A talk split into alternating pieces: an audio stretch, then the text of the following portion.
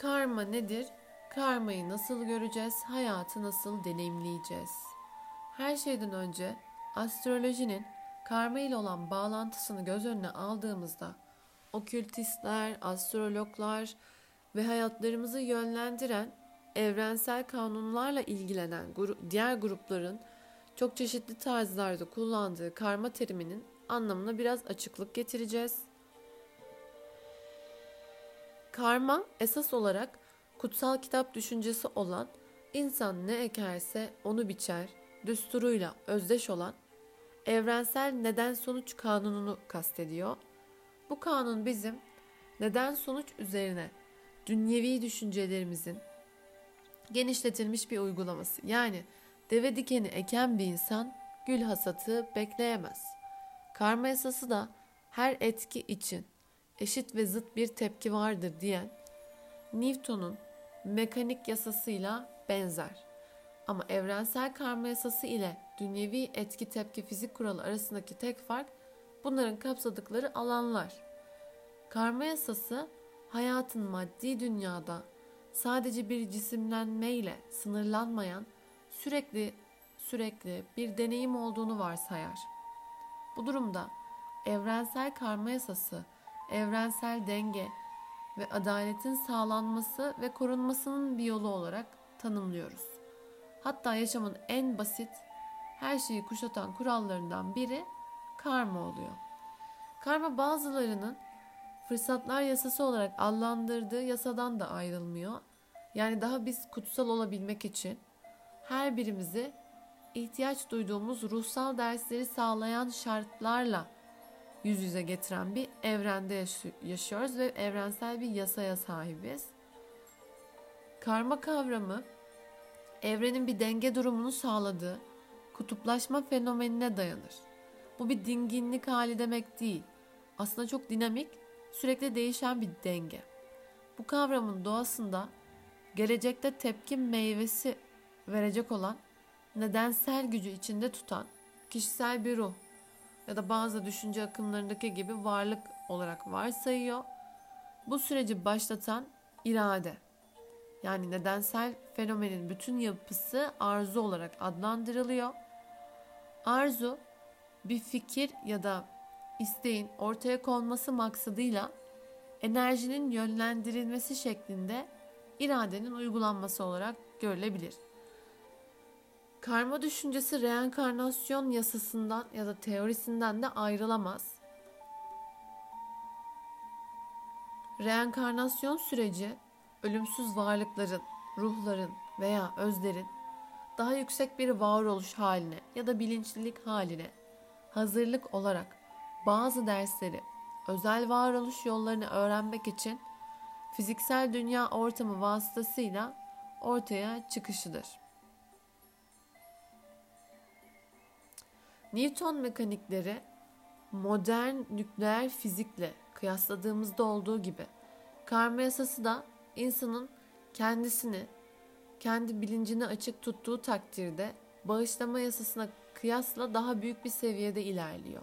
Yani kutuplaşma ya da karşıtlık yasasının işlediği seviyede yer almadığı için bizim bilincimiz ya da yüksek bilincimiz tepkisiz olan birliğin insani deneyimi diyebiliriz. Yani bağışlama yasası kavramını kabul edersek karma yasasının hayatlarımızın temelindeki nihai güç olmadığı fikrini de görürüz. Yine de karmayı anlamak, ne olduğunu ve nasıl işlediğini bilmek için bir adım olabilir bağışlama yasası. Yani her yaşam süresi kendinden önceki tüm enkarnasyonların toplamı.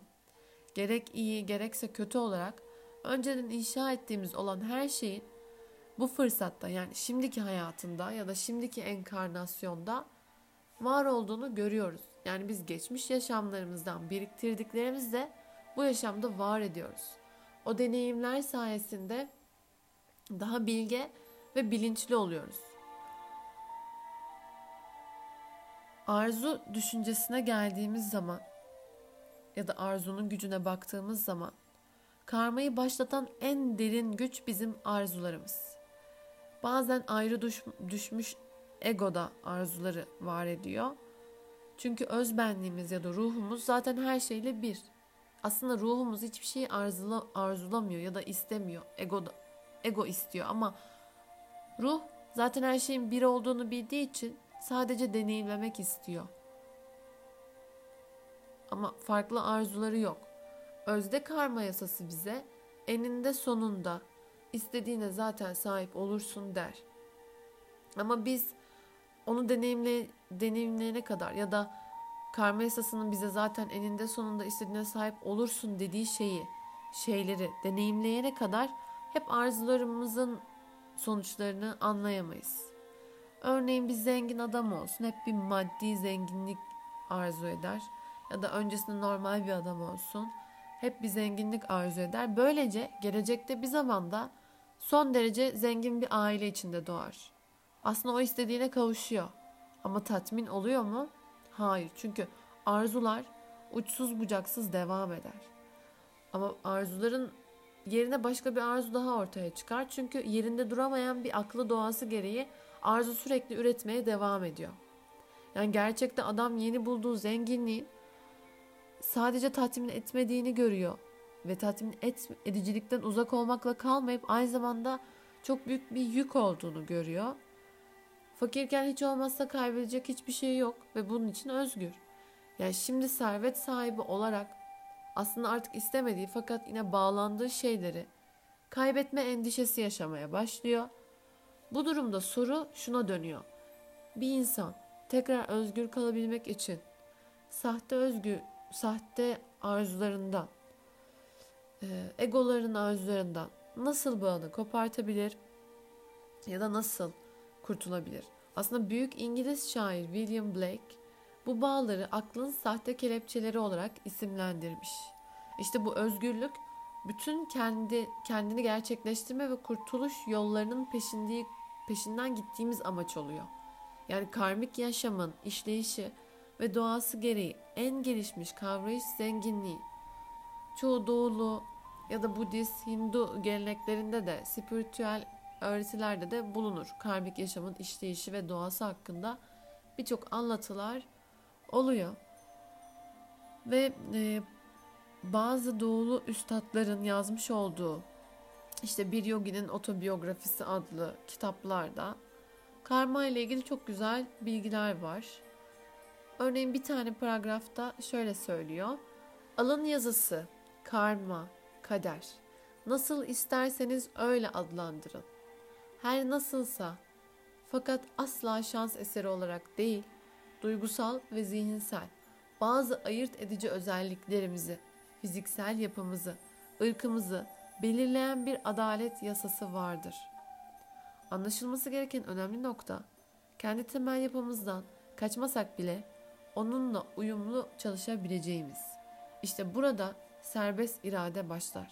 Anlayışınızın sınırlarını seçmek ve ayırt etmekte özgürüz ve seçme gücümüzü doğru kullandığımız takdirde anlayışımız artar. O halde bir kere seçim yapılınca insan tercihinin sonuçlarını kabul etmeli ve buradan devam etmeli.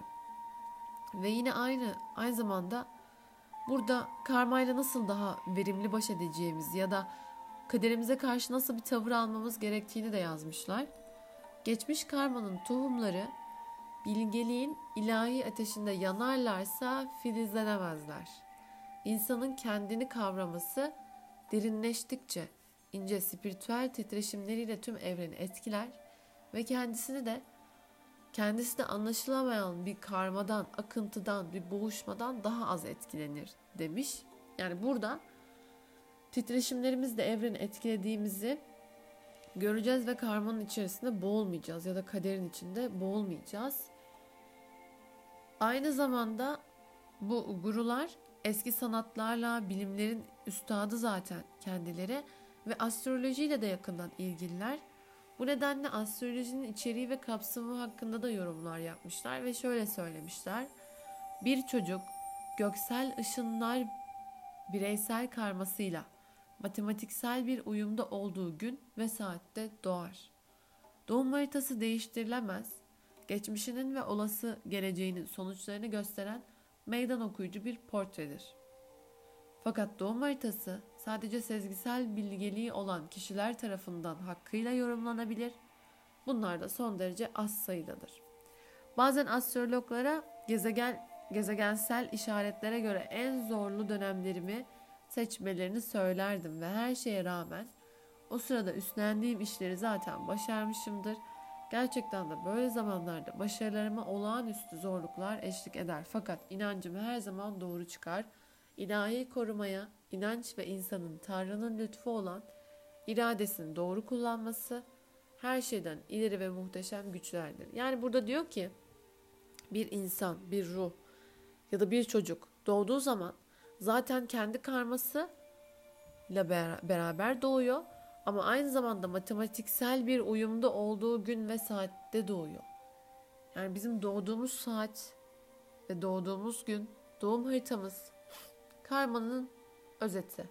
Kendi karmamızı alarak o saati seçerek geliyoruz ve doğuyoruz.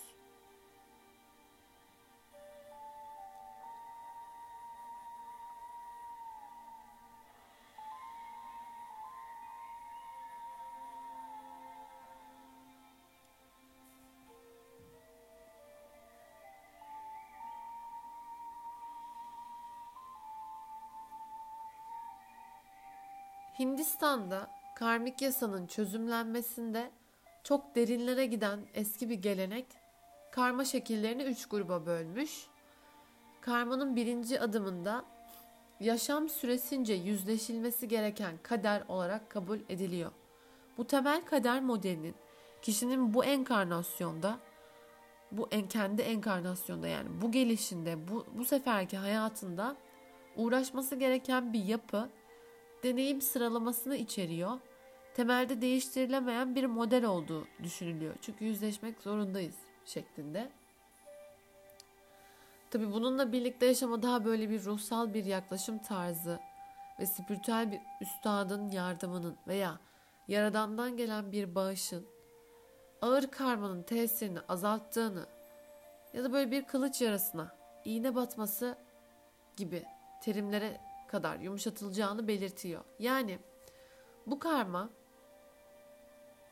bizim ne olursa olsun hani alın yazısı dediğimiz bu enkarnasyonda uğraşmamız gereken bir deneyim yapısı. Diğer karma çeşidinde de bu yaşam süresince yaptığımız ve etkileri ile daha sonra yüzleşeceğimiz karma. Yani zaten geçmişteki karmayı ekledin. Bir de bu hayatta karma yarattın. Bunlarla da yüzleşeceksin. Yani geçmişteki yaptıklarını zaten iyidir, kötüdür, ödüldür, cezadır, sınavdır onları getirdin. Bir de ekstra bu karmada da neler yaptıysan bu hayatta da onlarla da yüzleşeceksin. Yani davranışlarımızı kontrol edersek karma yaratmaktan bir nevi sıyrılırız. Böylelikle ruhsal gelişimimizin de önüne bir engel gelmez ve daha fazla karma yapmaktan da koruyacağız kendimizi. Ama ruhsal gelişimimiz için önce davranışlarımızı kontrol etmemiz lazım. Karmanın ikinci adımında.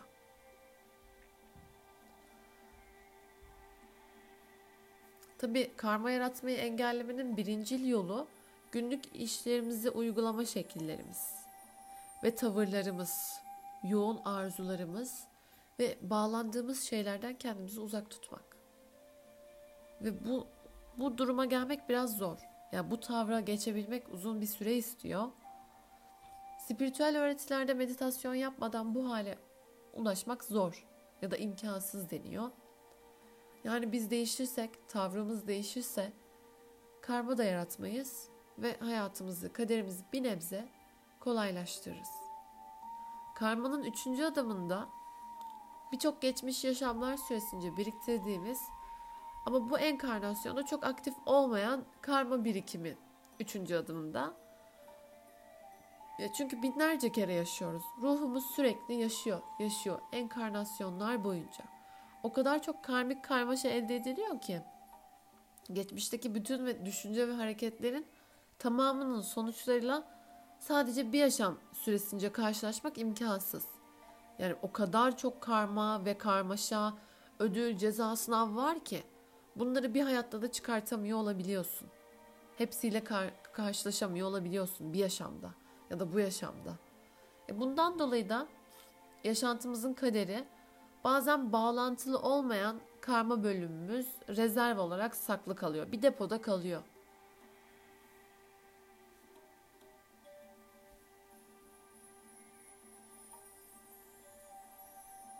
Astrolojinin kesinliği ve derin seviyede yararlılığına aşina olan herhangi bir insan doğum haritasının ya da bir kişinin temel yaşam modeli işte potansiyelleri, yetenekleri, bağları, problemleri, baskın zihinsel karakteristikleri ya da kendi özellikleri ya da nerelerde hata yaptığını sembolik olarak gösterdiğini inkar edemeyiz.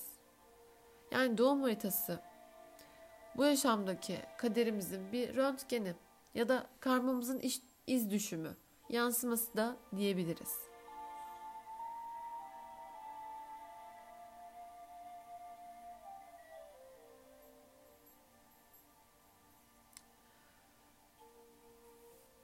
Eğer tavırlarımızı, düşünce tarzımızı değiştirebilirsek ya da meditasyon vasıtasıyla, niyet vasıtasıyla bilincimizi daha yüksek bir frekansa getirebilirsek aynı zamanda bir amaca sahip olmayacağız. Sadece bir hayat amacımız olmayacak. Ona sahip olmayacağız. Aynı zamanda o hayat amacını yaşamaya başlayacağız. O zaman engellerden kurtulmaya ve yaşamın ritmini böyle rahatça bir nefes alarak başlayabiliriz.